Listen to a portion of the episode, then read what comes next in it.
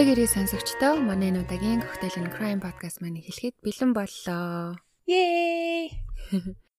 Дугаараа хэлэхээс өмнө уламжлалт ёсоор харуулгаа хэлье. Манай подкаст насан турш хүмүүс зориулагдсан учраас насан туршаагүй эсвэл юмнаас амархан айдаг хүмүүс маань сонсоод юу н хэрэггүй шүү. За тэгээд өнөөдөр манай дулмаагийн ээлж байгаа. Дулмаа маань амар гоё коктейл хийчихсэн. Бээжин тэгээд коктейлнаас ойлаа яриад эхэлэх үү. За тэгээд энэ удаагийн коктейлороо болохоор French Martini гэж коктейл сонгосон байгаа. Франц Мартини. Тэг хийхэд бол маш амархан бас яг л нөгөө урд нь хоёлаа хийжсэн коктейлуудчиг хэрглэжсэн жороо ашиглаад шин одоо коктейл хийхээр сонгосон байна. Аа за энэ коктейлд нь болохоор а цагаан арх тэгээд хам боргоцооны жуус урд нь хэрэглэгдэж байсан Chambord буюу одоо нөгөө raspberry бөөрөлцгний ликер орсон байгаа. Тэгээ гурван орцоо гурвуулангийн ижил хэмжээтэйгээр хооронд нь хойлол. Тэгээд вала. Хоёлаа чи ойр дас айгүй гоё мартининуудаар дагнч чам шүү. Харин тий Сүүлдээ нөгөө нэг хэрэгээсээ илүү бүр коктейлтэй бүр амар ордог болоод байна үгүй их. Одоо ингээ барыг сүүлийн 3 коктейл маань гуруула. Мартини ямар нэг юм төрлийн мартини болчлоо. Тэгээд угаасаа гоё штэ тий янз янзаар нөгөө урд нь авчихсан байсан орцоодоо дахиж ашиглаж ингээ өөр төрлийн юм хийх чинь а эдийн засгийн хувьд ч хэмнэлтэй. Тэгээд гоё баярлаа. Зүгээрээ. За тэгээ манайхан тэгээд байхгүйсэн чинь дэлгүр очиод аваад хийгээд үзлээ за. За маш гоё коктейл хийж өгсөн бол мада баярлаа. За тэгээ хоёлаа аа шууд хэрэгтэй орох уу. Энэ удаагийн хэрэгээр болохоор Шафия гих гэр бүлд тохиолдсон явдлын талаар ярихад бэлдсэн байгаа. За гэр бүлээс нь танилцуулаад эхлэе. А Мохаммед Шафия нь эхнэр Түба болон 7 хүүхдийн хамт 2008 онд Канада улсын Монреал хотод Дубайгаас цагаачлан ирсэн. А тэдний гэр бүл нь болохоор Афган гаралтай хэдий ч 1992 онд Мохаммед амьдралаа дээшүүлэхийн тулд эх орноо орхин гадаад улсыг зорьсон байна. За эхлээд Австрали улсыг зорьсон хэдий ч хийх ажил болон амьдрах одоо орчин байдал нь таалагдаагүй учраас Арабын нэгдсэн улс руу нүүхээр болсон. За ингээд Дубайд нүүн сууршиж Мохаммед хуучин машины одоо хуучин машины чейнж хийж эхэлсэн. Аа тэгээ тэр бизнес нь бүр маш өндөр амжилтанд хүрсэн бөгөөд бүр өргөссөөр өссөөр үл хөдлөх үүргийн бизнест хүртэл хөл тавьсан байна. За ингээ 2007 он гэхэд Мохаммед Дубай хотын тэр бомдгуудын нэг нэгт бүр тооцогдохоор хөрөнгөтэй болсон. А тэгээ тэдний амьдрал Дубайд цэцэглэж байсан хэдий ч Мохаммед илүү ихийг хүссэн учраас Канада улсыг зорхоор шийдсэн. За Канада улс руу хууль ёсоор цагаачлах маш олон арга зам байдаг юм билээ. Тэдний нэг нь болохоор Canadian Investor Program буюу Канадад хөрөнгө оруулагчийн програм гэж байдаг. А Мохаммед тэр тэр програмд бүртгүүлэн Монреал хотод баригдаж буй худалдааны төвд 2 тэрбум ам долларын хөрөнгө оруулан 2007 оны сүүлээр Канадад гэр бүлээрээ цагаачлан ирсэн. За Монреалд ирээ 5 сарын дараа Роно Амир гих хамаатныхаа эмэгтэйг спонсорлон Канадад авчирсан. А Мохаммедийн эхнэр нь болохоор 7 хүүхдээ гэртээ хараад гэр орныхаа ажлыг ганцаараа хийж дийлэхгүй байгаа учраас хүүхдүүдийг нь харж гэр орны ажил туслана гэдэг зорилгоор Рора гэд хамаатныхаа эмэгтэй гэртээ авчирсан. А Мохаммедийн том дөрвөн хүүхэд нь ахлах сургуулийн сурагчид. Айлын том охин Зейнаб, эрэгтэй дүү Хамид болон эмэгтэй дүүнэр болох Сахар тэгээ Гити гих ахлах сургуулийн дөрвөн одоо хүүхэдтэй. А тэдний Канадад ирэхэд айлын том охин Зеноб нь 18 таа байсан ба шин сургуульд ороод дасгад бэрх байсан хэдий ч найз нөхөдтэй болоход түүнд бол асуудал байгаагүй. Яагаад гэвэл маш хөөрхөн дээрээс нь одоо маш илдэг зантай учир Учир үеийн охтууд гэлтгүү бас хөвгүүдийн анхаарлыг бол маш их татаж чадсан. А Зайнаби нэг ангид байх Амар Вахид гих Пакистан гаралтай хөвгүүн байсан ба тэр хоёр анх танилцаад бие биендээ ер нь бол их таалагдж эхэлсэн байдаг. А Амар Зайнабыг үерхий гэж гуйхыг их хүсдэг байсан хэдий ч зориг зүрх нь хүрэхгүй явсаар байгаад хэдэн сар өнгөрсөн. За ингээд 2000 оны Валентинаар хамаг бодоо бүр зүрх зоргоо шавхан Зайнаб охинд захаа битсэн байдаг. А тэгээ захаан дээрээ би чамтай найзалж чиний тухай илүү мэдхийг хүсэж байна. Хэрвээ миний нөхөрлөлийг хүлээн авч зөвшөөрч байвал маргааш сургууль дээрээ цагаан өнгийн даашинз өмсөн ирээрэй гэж битсэн. Ингээд маргааш нь Валентины өдөр болоход Зайнаб цагаан палаажтай сургууль дээрээ ирсэн байдаг. За ингээд Амар Зайнаб хоёр одоо нөхөрлөж эхэлсэн байгаа. Тэгээ захиа хүлээж авснаас 2 хоногийн дараа Амарт Зейнабас имэйл ирсэн. Имэйлэндээ хэлэхдээ маш гоё Валентины автографик өгсөнд баярлаа. Би чамтай ингээд одоо найзалж байгаадаа маш баяртай байна. Гэхдээ бит хоёрын нөхөрлөлд дагах хідэн дүрэн байгаа гэж одоо битсэн байдаг. Тэгээ хамгийн түрүүнд бас хамгийн чухал нь болохоор манай эрэгтэй дүүгээс чи болгоомжлаарай гэж хэлсэн байдаг. А яагаад гэвэл түүний эрэгтэй дүү Хамид нь аавда бүх зүйлийг одоо хилдэг. Тэгвэл Шафия гэх энэ гэр бүл мусульман хүмүүс бөгөөд аав Мухаммад нь эх орон болон шашин шүтлгээ бүр хамгийн дээдээр эрхэмлээд зогсохгүй бүр одоо extremist буюу хит туйлшран дагдаг нэгэн. А тэгээд тэдний гэрт нь болохоор эрэгтэй хүн бүрэн эрэгт аргатай.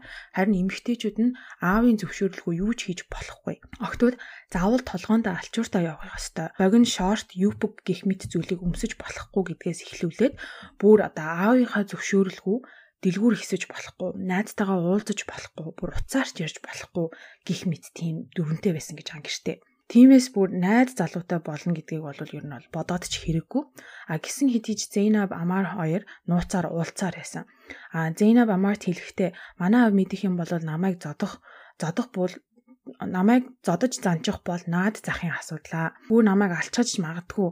Яагаад гэвэл жижигхэн зүйл дээр эсэргүүцэл үзүүлэх юм уу? Эсвэл зөвшөөрөлгүй юм хийхэд маш их зодож загиндаг гэж хэлсэн байдаг амаар эхлээд хариулахдаа за арайч чиний төрсөн хэцэг юу гэж чамааг ингээд алав гэжтэй тийм амар сүртэй бишээлгүй чи ингээд тайвшир гэд Зейнабыг ер нь бол тайвшруулдаг байсан байгаа. Тэгээ аавынхаа үгээс зүрдэг нь ганцхан Зейнаб биш байсан ба түүний 16 настай охин дүү Сахар бас аавтайгаа их тэрсэлддэг байсан. Нэг удаа Сахар бүр хитэн 7 хоногор сургуульд ирээгүй.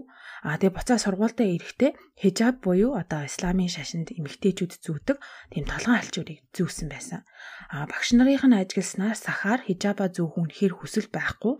Харин ч бүр одоо Канадын тий барууны хэв маягаар хувцаслаж амьдрах сонирхолтой байгаа нь илт байсан гэж дурсан. Тэгээ хичээлдээ ирэхдээ толгоондоо алчуураа зүүжгсэн ирдэг хитийж шууд нойлд ороод үсээ задгаа тавин нүрээ буддаг байсан.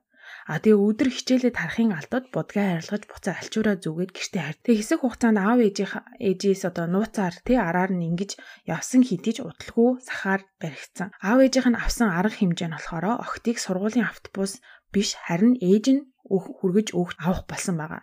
Өглөө хичээлд нь хүргэж өгнө, орой хичээлээс нь авна. Мөн өдрийн хоолныхын цагт нь очиж аван гэртээ авчирч цайг нь уулгаад буцааж хүргэж өг. Заавал тэр нөгөө толгойнхаа алчуурыг зүүлэх гэж яг өөрийнхөө үүгэнд оруулж эрхшээлтэй байлгахын тулд одоо бүх юмыг нь хүртэл ингэж алхам тутмыг нь одоо ажигладаг. За ийхүү аав ээжээ сайн өдөр хоног өнгөрсөөр 2008 оны хавар ээж аав хоёр нь Дубай руу ажил хөдөлгөөр явах болдог. Ингээ явахдаа айлын том хүү болох Хамид гэрээ хариуцуулан үлдээсэн байдаг. Зейнад тэр үед найз залуу бол Амарыг гэртээ нууцаар авчирсан бөгөөд харамсалтай нь Аз дутан Хамидд баригдсан. Тэр хоёрыг барьж аваад Зейнабд хэлэхдээ чи одооноос сургуульд явж болохгүй Тэгээ энэ залуутай чи дахиж уулзаж болохгүй. Миний үгнээс зөрөх аваас найз залуу гэж энэ тухай би аав ээжд хэлнэ гэж сүрдүүлсэн байгаа. Хэрвээ найз залуутай гэдгийг нь мэдэх юм бол хэцүү бүрстэ маш том хариуцлага хүлээх учраас дүгийнхээ үгэнд орон сургуультай явхаа байсан. Тэгэд мэдээж амаар гайхаад найз өхнөөсөө асуусан байдаг. Одоо хамгийн чиний дүү үсттэй чи яагаад ингэ түүний үгийг сонсох ёстой гэж асуухад Зейнаб хэлэхдээ яагаад гэвэл аав манай гэрийн бүх хариуцлага бүх эрх мэдлийг Хамидэд үлдээсэн учраас би түүний үгийг дөрөв мэд дагах ёстой гэж хэлсэн байна. Тэг ингээ яг уу ёс журам айл бүхэнд байх хэрэгтэй ч гэсэнд энэ бүр бүр арай дэндүү байгаа зү. Тэгээ энэ явдлаас хойш Зейнаб сургуультай явхаа болж Амар Зейнаб хоёрын үерхэл ер нь бол зогссон байдаг. За ингээд эмэгтэй дүү Сахаар нь сургууль дээрээ багш нартайгаа зовлонгоо ярьж эхэлсэн. Сахаар хэлэхдээ гэр бүл манай гэр бүл маш их хүчээр хийлэлтэй мөн одоо дахиад ер нь ингээд ирээдүйд би хүчирхийлэлд өртгөөсөө айж байгаа аа хүртэл багш нартай илэрхийлэн хэлсэн байдаг. Дээрээс нь хамт сургуульд явах ах болон хамаатных нь хүүхдүүд түүнийг ажиглаж аавд нь одоо матаж байгаа учраас би чөлөөтэй байж чадахгүй маш их сэтгэл зүйн дарамтнд байгаагаа багш нартай илэрхийлсэн. Тэгээ багш нарын сахарыг амиа өгөөдөх болцсошгүй болтлоо сэтгэл санааны гутралд орсон учраас Кубек мужийн хүүхэд хамгаалах газар руу залган гомдол гаргасан. А тэгээ энхүү Ийхүү хүүхэд хамгаалах газрын ажилтан гэрт нь ирсэн боловч тийм ч одоо нааштай үр дүнд хүрээгүй. А яагаад гэвэл ажилтан оронгуудаа ээж аав хоёрын нь баг хажууд нь шууд сахараас чамайг яаж хүчрхийлж байгааг тайлбарл гэд бараг шууд хэлчихсэн. Тэгэхээр чи мэдээж сахаар ааваасаа айгаад юу ч хэлж чадаагүй. Ингээд сахаар гаргасан гомдлоо буцаан авч нөгөө хүүхэд хамгаалах газар нь ч гэсэндэ дахин очиж уулзаж байдлыг шалгахгүйгээр хэрэг хаагцсан.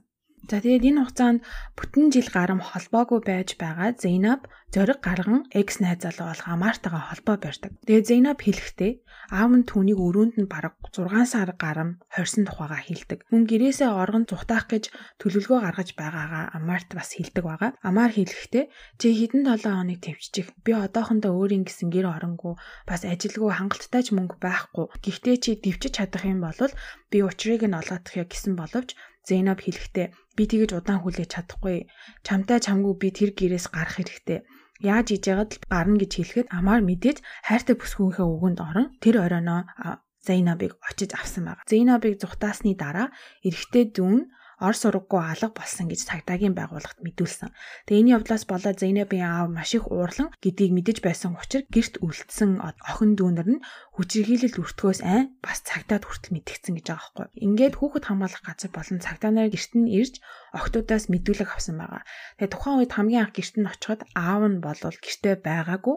Тэгээ аавыгаа байхгүй хүүхдүүд бол чөлөөтэй мэдүүлэг өгч байсан хэдий ч аав нь гэртээ ирсэн чинь бүгд юу ч ярихаа болсон. Хинч юу ч хэлээгүй. Тэгээ тухайн үед хүүхэд хамгаалах газрын ажилтан болон цагдаа нар яагаад тэр байдлыг бүр анхааралтай аваагүй нь маш гайхмаар. Тэг хүүхэд хамгаалах төвийн ажилтны репортоос уншихад хүүхдүүд ааваасаа маш их имээдэг, харваас маш их дарамтны дунд амьдарч байгаа гэж битсэн хэрнээ хүүхдүүдийн төлөө ямар ч арга хэмжээ аваагүй хоёр туудагаа өнгөрсөн. За Зейнаб гэрээсээ оргоод хүчирхийлэлд өртсөн эмэгтэйчүүдийг хамгаалах газарт байрлаж байсан бөгөөд энэ хугацаанд А болон цагдаагийн байгууллага түүнийг хайсаар л байсан. Цагдаа нар Амарын утсыг олон түүнтэй холбоо тогтооход Амар хэлэхдээ Зейнаб гэр бүлийнхэнтэйгээ уулзахыг хүсэхгүй байгаа. Одоо ингээд өөрийн амьдралаа хөөгөөд явахыг хүсэж байгаа гэж хэлэхэд цагдаа нар Аа окей 19 настай тий албан ёсоор насанд хүрчихсэн учраас энэ охин өөрийнхөө сонголтыг хийх бүрэн эрхтэй гэж үз. Амарта ярьсан тэр цагтаа нь Зейнабын ээж аврын загалган гутаа Зейнабыг хүчирхийлэл өрсөн эмэгтэйчүүдийн одоо хамгаалах газарт байрлаж байгааг хэлсэн байгаа. Бас Амартай холбоо барьсан Амарт бүх юмаа ярьж байгаа гэдгийг ээж авт нь хэлсэн байгаа. Насанд хүрчихсэн учраас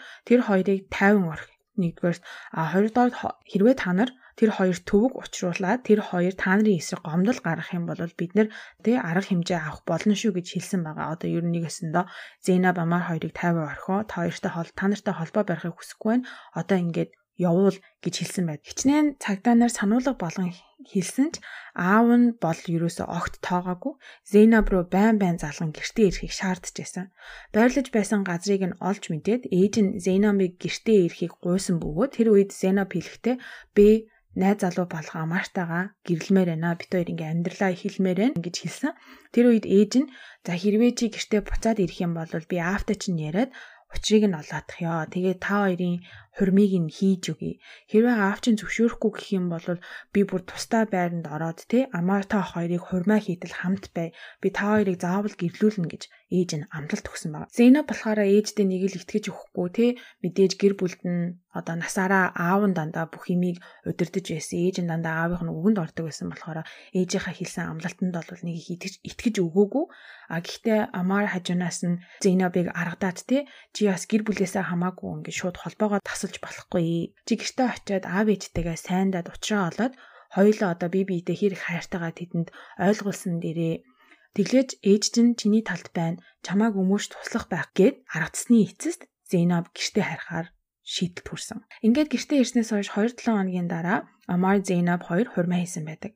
Тэгээ тухайн үед аав нь Дубай руу ажиллаар явсан ба хурим болсныг мдээгүй байсан. Тэдний хурим цомхон болсон бөгөөд Зейнабын талаас ер нь бол хүмүүс ирээгүй. Гэргэлтэд батлуулаад маргааш нь баяраа тэмдэглэж байхад Зейнабын ээж эрэгтэй дүү хоёр нь ярих юм бэ гэд одоо 20 минут Зейнабтай ярилцсан байгаа. Тэгээд ээж дүү хоёртойгоо ярьж дуусаад Зейнаб ингээ бүр нулимсэн цэйлгэн ч гэсэн амаар дээр ирээд би өрөөсөө чадахгүй юм байна.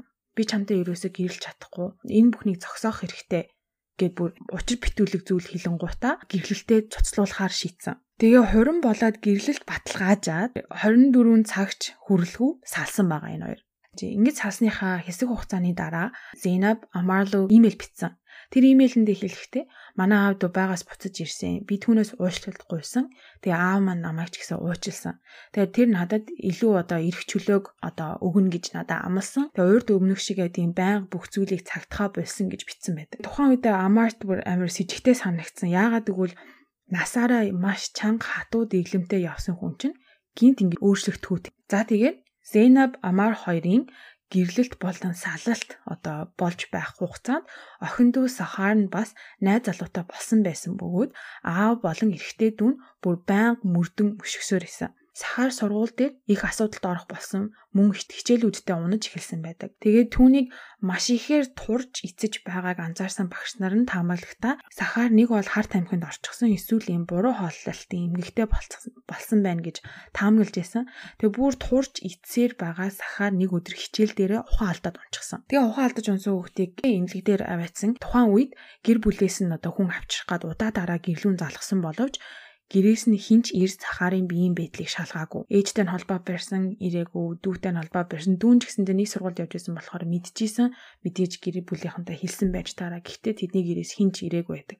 За тэгээд санаа зовсон багш нар нь дахин хүүхэд хамгаалах байгууллагт хандсан боловч сахаар бараг 18 хүрчихсэн учраас өөр газарт гомдол гаргана уу гэд тоогоогүй орхисон байгаа гарсан байгаа. За тэгээ энэ өрнөж буй бүх зүйлийг нүдэрээ харан биеэрээ мэдрэх эмгтээдүү гитийн бас аавынхаа эсрэг ер нь бол их тэрсэлдэж эхэлсэн байдаг. А гитийн болохоор 13 настай. Хичээлээ хийхээ болсон, хичээлээ таслан дэлгүүр хэсдэг болсон. Бас өдийн тэмдэглэлийг уншихад хоёр их чигээ бүр ингэж шүтдэг тэдэнд маш их хайртай ялангуяа Сахарт тэгээ тэмдэглэлдээ бичихтэй Сахар гэрээс тухтаахтаа намайг аваад явна гэсэн тэр өдрийг би тэсэн ядан хүлээж байна. Аа бит хоёрын амьдралдээ маш гоё цэцэглэх болно гэж бүртэл битсэн байдаг. Тэгээд Гити бас яг ихч нар шигэ багш нартаа хид хид удаа гомдол гаргаж яасан гэж байна гэрт байгаа болж байгаа тэр дарамж шахалттай хүчирхийллийн талаар багш нартай хэлсэн. Хэлэхдээ манай гэрийн уур амьсгал маш хэцүү. Их дарамт болон хүчирхийлэлтэй. Би тэр foster care гэдэг системд нь ормоор байна. Намайг өөр ээж автаа болгоод өгөөч гэж хүртэл бүр гуйсан байгаа. Гисэн хідээж ямарч арга хэмжээ авагдаагүй. За ингээд Шафиягийн гэр бүлд маш их адармаатай үйл явдлууд өрнсөөр 2009 оны 6 сар болсон. Гэр бүлийн уур амьсгал одоо эцэст нь баг багаар сайжирч байсан бөгөөд бүр одоо нэгтгэж гой дурсамж бүтээе гэдэг зорилгоор амралтанд явхаар базааж эхэлдэг. За ингээд амралтанд явах газраараа Niagara Falls гих хүрхрээ явхаар шийдэж хоёр машинд хуваагдсан суусан. Олон жил гэр бүлийн унаа байсан Lexus машинда аав Мохаммед, айлын том хүү Хамид тэгээд гурван одоо баг дүүнэртэйгээ суусан байдаг. Харин амралтанд явхаас өмнөхөн авсан Nissan машинд ээж Туба, хамаатны эгч Ронан болон эгч дүүс Зейнаб Сахар Гити нар суусан байдаг. За тэгээ Niagara Falls дээр очиод үзэх газруудаа үзээд буудлаж байсан зочд буудалтаа тухалсан байдаг. Тэгээ тэдний утас болон камернаас харахад бүгдээрээ зураг хөргөө авахулж байсан ч тэр дунд ганцхан хүн дутуу байсан. Айлын том хүү болох Хамид. Хамидын утасны локейшнийг харах сүлд харахад Niagara Falls-оос 4 цагийн зайтай байрлах Kingston гих хотод өдөржингөө байсан байгаа. Одоо гэр бүл нь тэр тий амралтанд ингээ явж хахад ганцаархнаа Kingston хотод өдөржингөө байсан. За тэгээд маргааш нь зочид буудлаас гарах гэж байхад Хамид гэр бүлтэйг нэгтэж гэртээ харихаар замдаа гарсан байдаг. Харамсалтай нь гэр бүлийн бүх гишүүд бүгдээрээ гэртээ харьж чадаагүй. Маргааш өглөөнөө канал дотор машин живсэн байна гэсэн Kingston хотын цагдаагийн байгууллага дуудлага ирсэн. А хэргийн газрыг шалгаж живсэн машиныг гаргаж ирэхэд Nissan маркийн машин байсан бөгөөд дотор нь дөрвөн эмэгтэй нас барсан байдалтай олцсон. Хохирогч нарыг харахад Рона гэд хамаатны эгч болон Зейнаб Сахар Гити нар байсан байгаа. Тэгээ каналын дээрх өвсөн дээрээс харахад ямарваа нэгэн содон одоо нотлох баримт гих мэт зүйл бол байгаагүй. А ганц байсан зүйл нь болохоор хагарсан машины гэрэлний илэрхий байсан одоо нэг пластик хэсэг нь байсан. Машины гарган шинжээч нар ажиллаж эхлэхэд анхаарал татсан зүйлс нь машин асаалттай байсан хатлаа урд талын хоёр суудал нь хоёулаа хоошоо ингээ хөвтчихсэн байсан. Мөн тэр канал дахь усны төвшин дөнгөж 2 метр байхад дөрвөн эмэгтэй эмэгтэй хинч машинаас гарan амиа аврах гэж оролцсон шинж тэмдэг юусоо харагдаагүй. Цагдаагийн байгууллага хэргийг шалгаж эхлэх үед охтын гэрээс одоо охтуудыг ор сургаггүй алга боллоо гэсэн дуудлага ирсэн байдаг. Тэгээд тэгээ аав ээж эрэгтэй дүү гурвыг нь хилцээр авчин тэднээс мэдүүлэг авсан бөгөөд хамгийн түрүүнд ээж нь мэдүүлэг өгсөн. Тэгээ ээж нь хэлэхдээ өчтөр орой манай том охин дэлгүүр явмаар байна. Би хувцас худалдаж авахыг хүсэж а миний машины түлхүүрийг авсан. Тэгээд гараад явсан. Тэрнээс хойш бол би мэдэхгүй. Орондоо ороод унтаад гисэн гэж хэлсэн. А аав нь хэлэхдээ би юу ч мэдэхгүй тэднийг машин аваад дэлгүүр явах гээд гарсныг нь ч мдээгүй гэж хэлсэн байдаг. За тэгээ ээж аав хоёрын мэдүүлгийг өгөхдөө тийм маш тайван үнэхээр одоо юу болсон охтуудаа яаж гарч явсныг бол мдээгүй мэт одоо харагдаж байсан. Харин тэдний хүү болох Хамидаас мэдүүлэг авахд ээж ааваасаа эрсдэс бүр шал өөр зан авир гаргасан нь өөрийгөө тийм өмөөрөх хамгаалах айстай байсан байгаа. Тэгээ ингээ Хамидын бичлэгийг нь харахад мөрдөгч асуулт асууж байгаа. Энэ хэргийн тухай асуухад яг юу гэж байгаа юм би би ярьж байгаа юм чи юусоо ойлгохгүй байна. Хааши наад над дээр бүх зүйлийг тавих гээд байгаа юм уу? Намайг энэ хэргийг хийсэн гэх гээд байгаа юм уу? Гих мэтийн одоо нэг юм дайралтанд өртсөн хүн шиг хариулж байсан. Тэгээ цагдаа цагдаагийн асуусан асуулт бол хизээж чи ингэсэн үү те? Чи ихч нарыгаа алсан уу, дүүнрээ алсан уу гэж юусоо асуугаагүй өчтөр юу болсон өчтөр чи юу хийж исэн дүүнерт чинь их чинь ихч чинь ийм юм тохиол тохиолдчихсан байна. Чи ойлгож гинүү гэж асуухад нэг өөрийгөө амар ингээ хамгаалал сонин зан гаргаадсан байгаа. Дээрэс нь тэр үед бүр хамгийн с ิจ г бүхий явтал нь а тэр өглөө нь 7 цаг 30 минутын үед Хамид 911 руу залгсан байдаг. Тэгээ Хамид хэлэхдээ би осолд орчихлоо. Тэгээ репорт хийх гэсэн юм гэхэд мэдээж оператор те танд эмнэлгийн тусламж хэрэгтэй юу? Хүн одоо гимцсэн үү гэж асуухад Хамид өө би зүгээрээ зүгээр миний машин л жоохон одоо гимтчихлээ гэж хэлсэн байдаг. За тэгээд осолд орсон байршлыг нь асуухад Монреал хотод байрлах хоосон зогсоолын байршлыг өгсөн.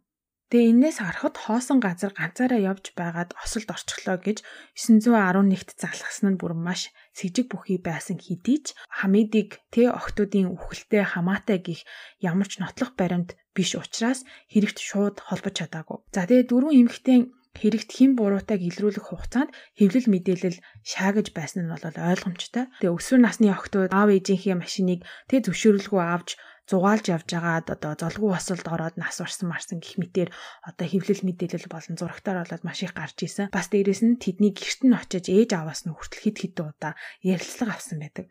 Тэгээд тэрхүү бичлэгнүүдийг ингээ харахаар ээж аав хоёр нь бүр үнэхээр охтуудаа алдсандаа харамсаж бүү бүр юм дүр төрхтэй харагдчихсэн. Ээж нь бүр ингээл ихэр татаж уйлаад аав нь ч гэсэн ялгаагүй уйлаад гашуудлаа илэрхийлээл те хамаатныхаа хүнийг тэрвэрч аваад тэгжсэн харагддаг. За тэгээд тэдний хүү болоо Хамидаас болоод охтын гэр бүлийг ер нь бол шижиглэж эхэлсэн байгаа.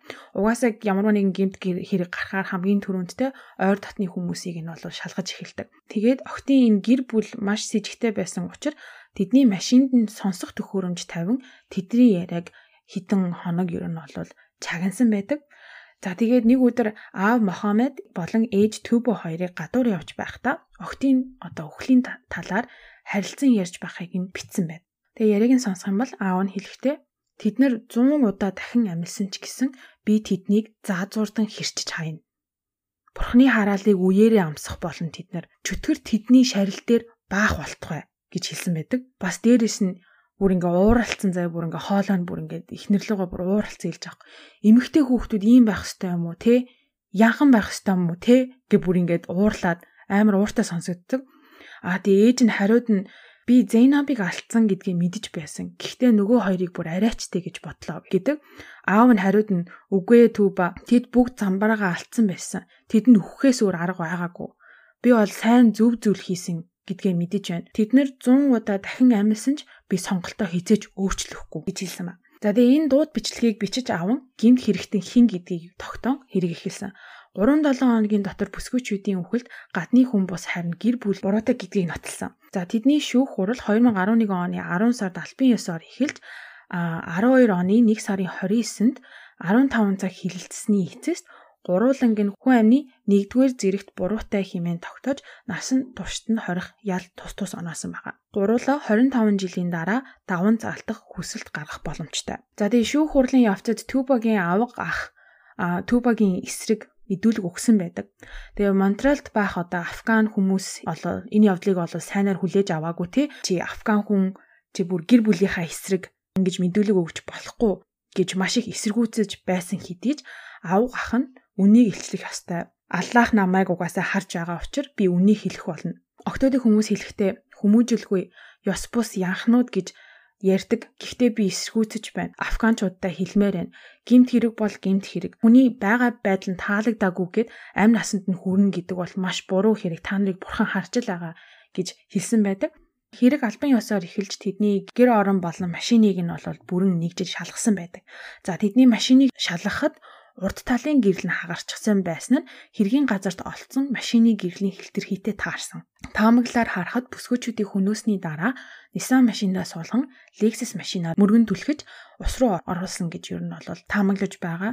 Бас дээрээс нь тэр Nissan Sentra гэх машина Niagara Falls явахын өмнөх өдөр нь бэлэн мөнгөөр худалдаж авсан гэж байгаа. Тэгээ ер нь энэ бүх байдлыг харахад эртнээс охтуудыг хөнөөнө гэж төлөвлөсөн байсан ойлгомжтой. Бас гэрт нь хэсэн гэр бүлийн компьютерийн одоо Google Search History гэдэг нь штэ одоо хайлтынх нь түүхийг харахад Хамид хэрэг болохоос 2 сарын өмнөөс Монтрал хавцаа хүний хөлөөс зайдуу тийм газруудыг бол хайж эхэлсэн байгаа. Орхигдсон газар, орхигдсон одоо зогсоол, тийм одоо орхигдсон барилга ч юм уу тиймэрхүү зүйлүүдийг хайж эхэлсэн. Тэгээ явж явж байгаа түүний хамгийн сүүлчийн хайлт нь болохоор хүн алчаад хаана нуух вэ гэдэг зүйлийг Google-ээс хайсан байгаа.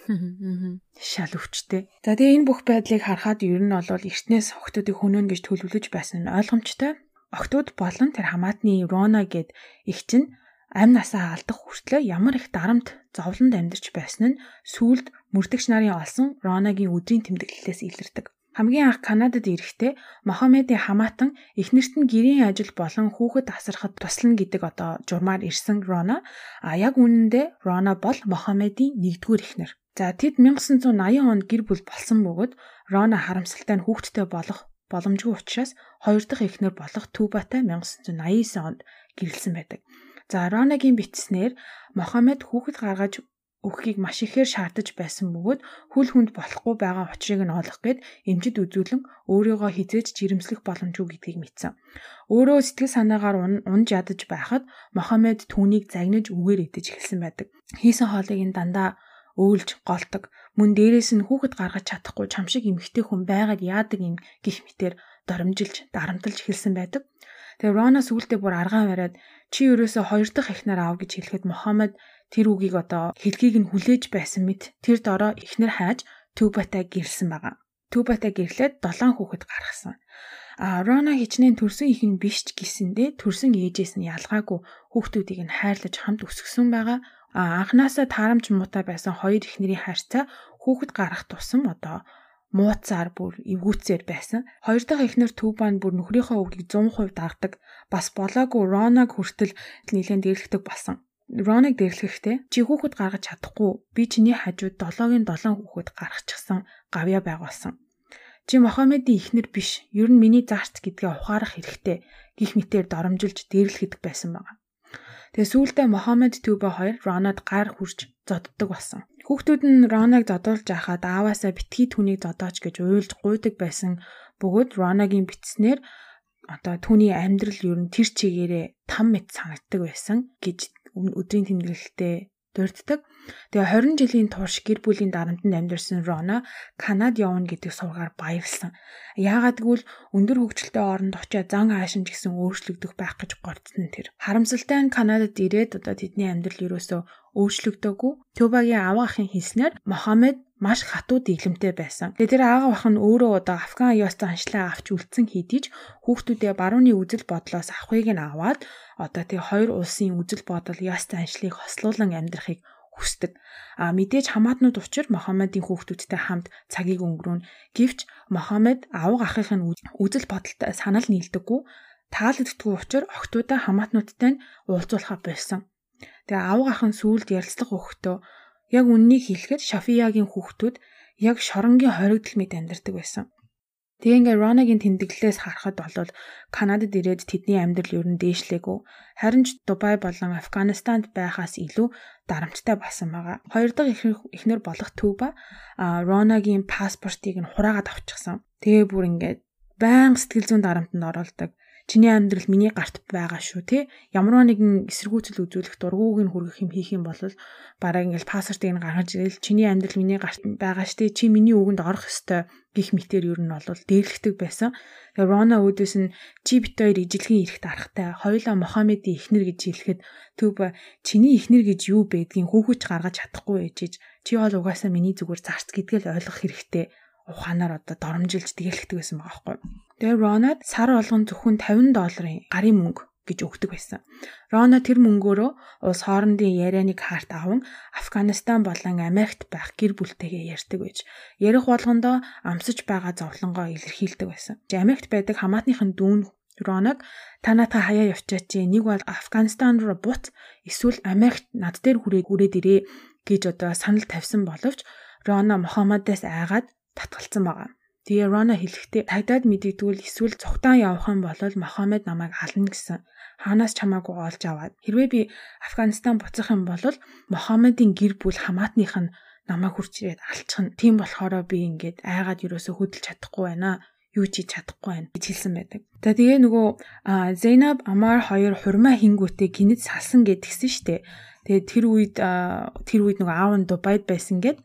Аа тэгээ тухайн үед Рона хурин болохоос хэдэн 7 хоногийн өмнө аавыг нь уцаар хин нэгэнтэй ярьж байхыг сонссон байна. Аав нь хэлэхдээ би Афганистан явж ирчээд Зейнабыг ямар ч аргаар хамаагүй ална гэж хэлэхэд нөгөө утсан дээр байсан хүн нь тэгээ нөгөө эдийг нь яах юм гэж асуусан. Гэхдээ аав нь хариулахдаа тэднийг ч гэсэн ална гэж хэлсэн байгаа. Сонсон зүйлийнхаа тухай Рона Францд байгаа дүүдээ хэлэхэд дүүн та Афганистан биш эсвэл Дубайд байгаа биш дээ. Битгий санаа зовоо. Та Канад гэдэг өндөр хөгжилтэй хүний эрхийг хамгаалдаг оронд байна. Тиймээс битгий санаа зов бүх зүйл зүгээр гэж тайвшруулсан байгаа. Мөн өдрийн тэмдэглэлээс нь уншихад сахаар нэг удаа бүр төрөл бүрийн им тэгээ цэвэрлэгч бодис эдэр холчихсан амиа орлох гээд байж байгааг нь Роно мэдээд болиулсан байгаа. Яг тэр үед нь сахарын төрсөн ээж нь Түба хажууд нь суучсан заяа. Тэгээ Рона гайхаа чи яагаад чи яагаад хүүх гээд байгаа юм бэ? Чи яагаад хүүхдээ болиулахгүй байгаа ээж нь юм байж гэхэд ээж нь өөдөөс нь тамрууга тонилн нэз өхүүл наатаа гэж хэлсэн байгаа. За тэгээ гих мэд маш олон жилийн турш битсэн тэмдэглэлээс Шафия гих айлын эмгтээчүүд ямар тарамтанд амьдарч байсныг нь харуулж байгаа ах. Тэгээ хүн мэдээж шашин шүтлэг их орон тэ өв соёлоо дээдлэлгүй яах вэ? Гэхдээ энэ төрсөн үрээ хүртэл нэр төрийн төлөө ална гэдэг бас бүр амар аимшигтай. За тэгээ энэ хэрэгээс үүдэн бүр Канадын исламын дээд зөвлөл honor killing буюу нэр төрийн аллагыг эсэргүүцдэг эмэгтэйчүүдийг эрэгтэйгш гэж үздэг талаараа бүр албан ёсны мэдээлэл хүртэл хийж байсан. Тэгээ тухайн үедээ мэдээж одоо одоо ч гэсэн ер нь бол гардаг дээ хүний арьс өнгө болон шашин шүтлэхээр нь бол Америкт Америк болон Европод амар их ингээд дээрлэх зүйл гар харагддаг тий. Тэгээ энэ хэрэгээс болоод Канадын улс иргэд тий Афган хүмүүс юм юм уу? Исламын шүтдэг хүмүүс юм юм уу гэл ингээд амар их асуудал гаргаж исэн. Тэгээ тэрнээс үүдээд Канадын Исламын дээд зөвлөл бүр албан ёсоор мэдээлэл хүртэл хийж исэн байгаа. Бас энэ хүргээс үүдээд Канад улсын хүүхэд хамгаалах байгууллагын ажилтан болон үйл ажиллагааг дахин шинжилж сайжруулах арга хэмжээ авсан байдаг. Яагаад гэвэл гурван эгч дүүс Зейнаб, Сахар, Гити нар бүр одоо удаа дараа багш нартаа өөрсдийн амсах хүчирхийлэл зовлон илэрхийлсэн хэдий ч очиж уулзахаас өөр арга хэмжээ юусаа аваагүй. Тэдний бас буруу маш их байгаа. Бүр хүчирхийлэгчийнх нь хажууд чамайг яаж зодтдаг, чамайг яаж дарамтлагдаг вэ гэж асуухаар ямар ч хүүхэд за хүүхэд байтугай насанд хүрсэн хүн ч гэсэн үннээ илэрхийлж хэлж чадахгүй штэ. Тэгтэл 17 настай охиныг суулгачаад за аавынх нь хажууд те чамаа яаж зоддtiin чамаа яаж дээрлэхtiin гэх асуугаад ахаар чинь хин ч хизээч хэлж чадахгүй. Тэр байгууллагын одоо даргаас асуухад тухайн үед хэлэхдээ октийн хэргийг хүлээн авсан мэрэгчлэлтэнгүүд тэн honor killing буюу энэ те нэр төрийн аллаг гэдгийг ер нь бол эрсдэл гэж тооцож юусоо бодоагүй. За харин энэ хэрэгээс үүдээд бидэнд суралцах зүйл их байгаа ойлголоо гэж тухайн үедээ хэлсэн байдаг. За яг тэр тэр ингээд нэр төрийн аллагыг мдээгүй тооцож үзээгүй байсан хэдий ч дулаан цайн хүчирхийлэл дарамтанд байгааг нь харчаад арга хэмжээ аваагүй тэ? Тэр шашин шүтэг бол ямар ч хамаагүй штэ. Улс орны их орных нь тэ одоо ёс заншил бол ямар ч хамаагүй. Тэг ядаж ингээ анхааралтай аваад багш нартай нь ингээд тулж ирүүсээ ажиллаг байгаа аахгүй юу одоо тэгээд бүх хэрэг босны дараа энэ хэрэгтэй холбоотой Зейнабын одоо найз залуу гэх юм уу нөхөр гэх юм уу те амар ярилцлага өгсөн байсан бас хид хидэн удаа хүүхэд хамгаалах газар руу залгасан багш нар нь хүртэл ярилцлага өгсөн байсан. Хамаатных нь хүмүүс бас ярилцлага өгсөн. Тэгээ тэр дундаас ингээд анзаарахад бүгдээрээ л үнэхээр одоо ямарваа нэгэн зүйл хийх гэж оролцсон хэдий ч ерөөсөө хангалттай хийж чадаагүй дэ маш их харамссан байсан. Ялангуяа Роногийн бүр хамаатныхын дүүн хүртэл те би бүр зүгээр Америк, Канадын хил дээр очиод ихж байгаа авчихгүй нь яав та.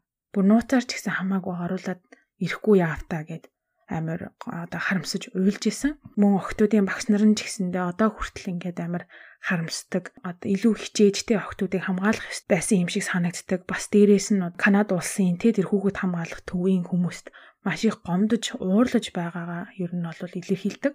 Зэнэби найз залуу бол ер нь бол маш их сэтгэл готролд орсон байгаа. Яагаад гэвэл бараг анхных нь хайр байсан.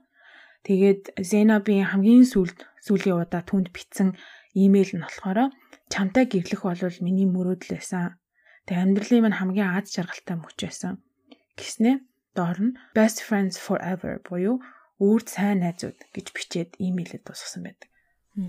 За тэгээд нэг ийм гэр бүлийн хэрэг байна. Үнэхээр ингээд өрөвдчихлөө эмгтэй хүмүүс одоо хүртэл ер нь бол харагддаг те жоохон эмгтэй хүмүүс ингээд нэг жоохон эргэтгэж байж чаддгүй зарим газар те.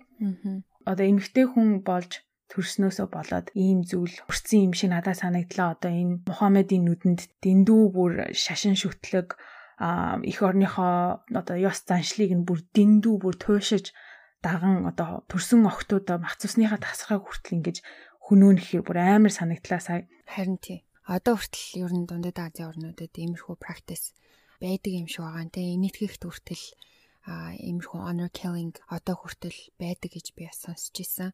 Тэгээд э, харамсалтай л да. Хийддгээр зуунд амьдарч байгаа билээ. Хүний их хэр төвшөнд явж байгаа билээ.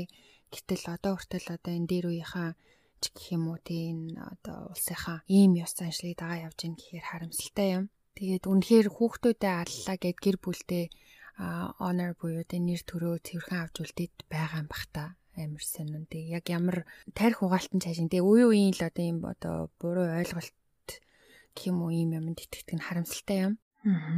Эмэгтэйчүүдийн эрэгтэгш байдал эмэгтэй хүн босныхоо төлөө ингэж зовох ёстой гэж юу, өөхөх ёстой гэж юу. Гэхдээ тэгээд ямар ч ёс заншил юу байдгийг тийм юм дагсан бай төрсөн үрээ тэгээд тэрний төлөө хөнөөж ин гэхээр ямар гэчин их хүн тийм байдгийг, ямар гэчин эцэг хүн тийм байдгийг ёо өстэй амир.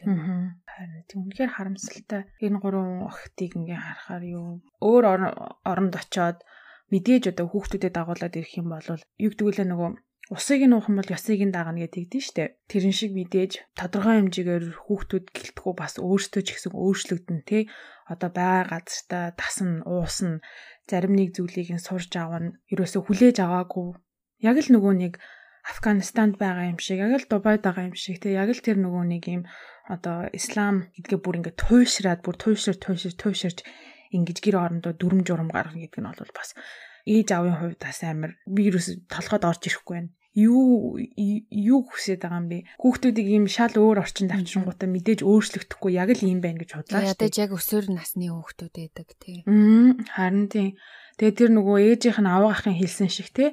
Хичнээн би одоо Афган одоо ёс заншлаа ингээд хүндэлдэг. Би хүүхдүүдтэй өвлүүлэхийг хүсдэг.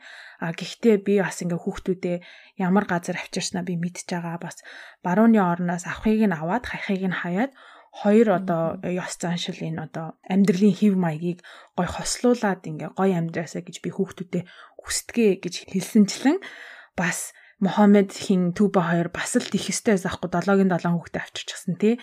Бүр юм өсвөр насны яг чиний хэлсэн шиг өсвөр насныгээд бүх юм нь бүрлдэж байгаа хүүхдүүдийг ингэж авчирчаад үгүй чи юм байх хэвээр гэдээ хар чинь илүү нөгөө нэг үгүй гэж хэлэхэр хүүхдүүд чинь угаасаа бүр илүү эсэргээр нь хиймээр санагддээ штэ. Болохгүй гэхээр бүр хийчнээ санагдаад тэгэл эцэст нь ер нь бол гурван сайхан охин амиа алтлаа эхнэр болох Роно ч гэсэндээ амиа алтлаа аа хүмүүсийн одоо энэ битгүй Тэгээ угаасаа нөгөө нэг улс төр шашин шүтлэгч ер нь бол ярьж болдоггүй э, сэтгүүд штэ. Тэгээ заримдаа бүр ийм амар туйлширдэг хүмүүсийг батхаар бүр ерөөсөө итгэж чадахгүй уур төрх шиг, өрөвдөх шиг нэрээс та. Тэгэл бүх юм хитрхээрээ болдоггүй гэдэг шиг тий ийм нэг экстрим шашин шүтлэг, экстрим улс төрийн үзэл бодол энэ төр ингээд заавал ингэж нэг буруу тишээ ирэх болчих юм. Тэгээ юм болгоны яг тунгийн тааруулж авахгүй бол бас.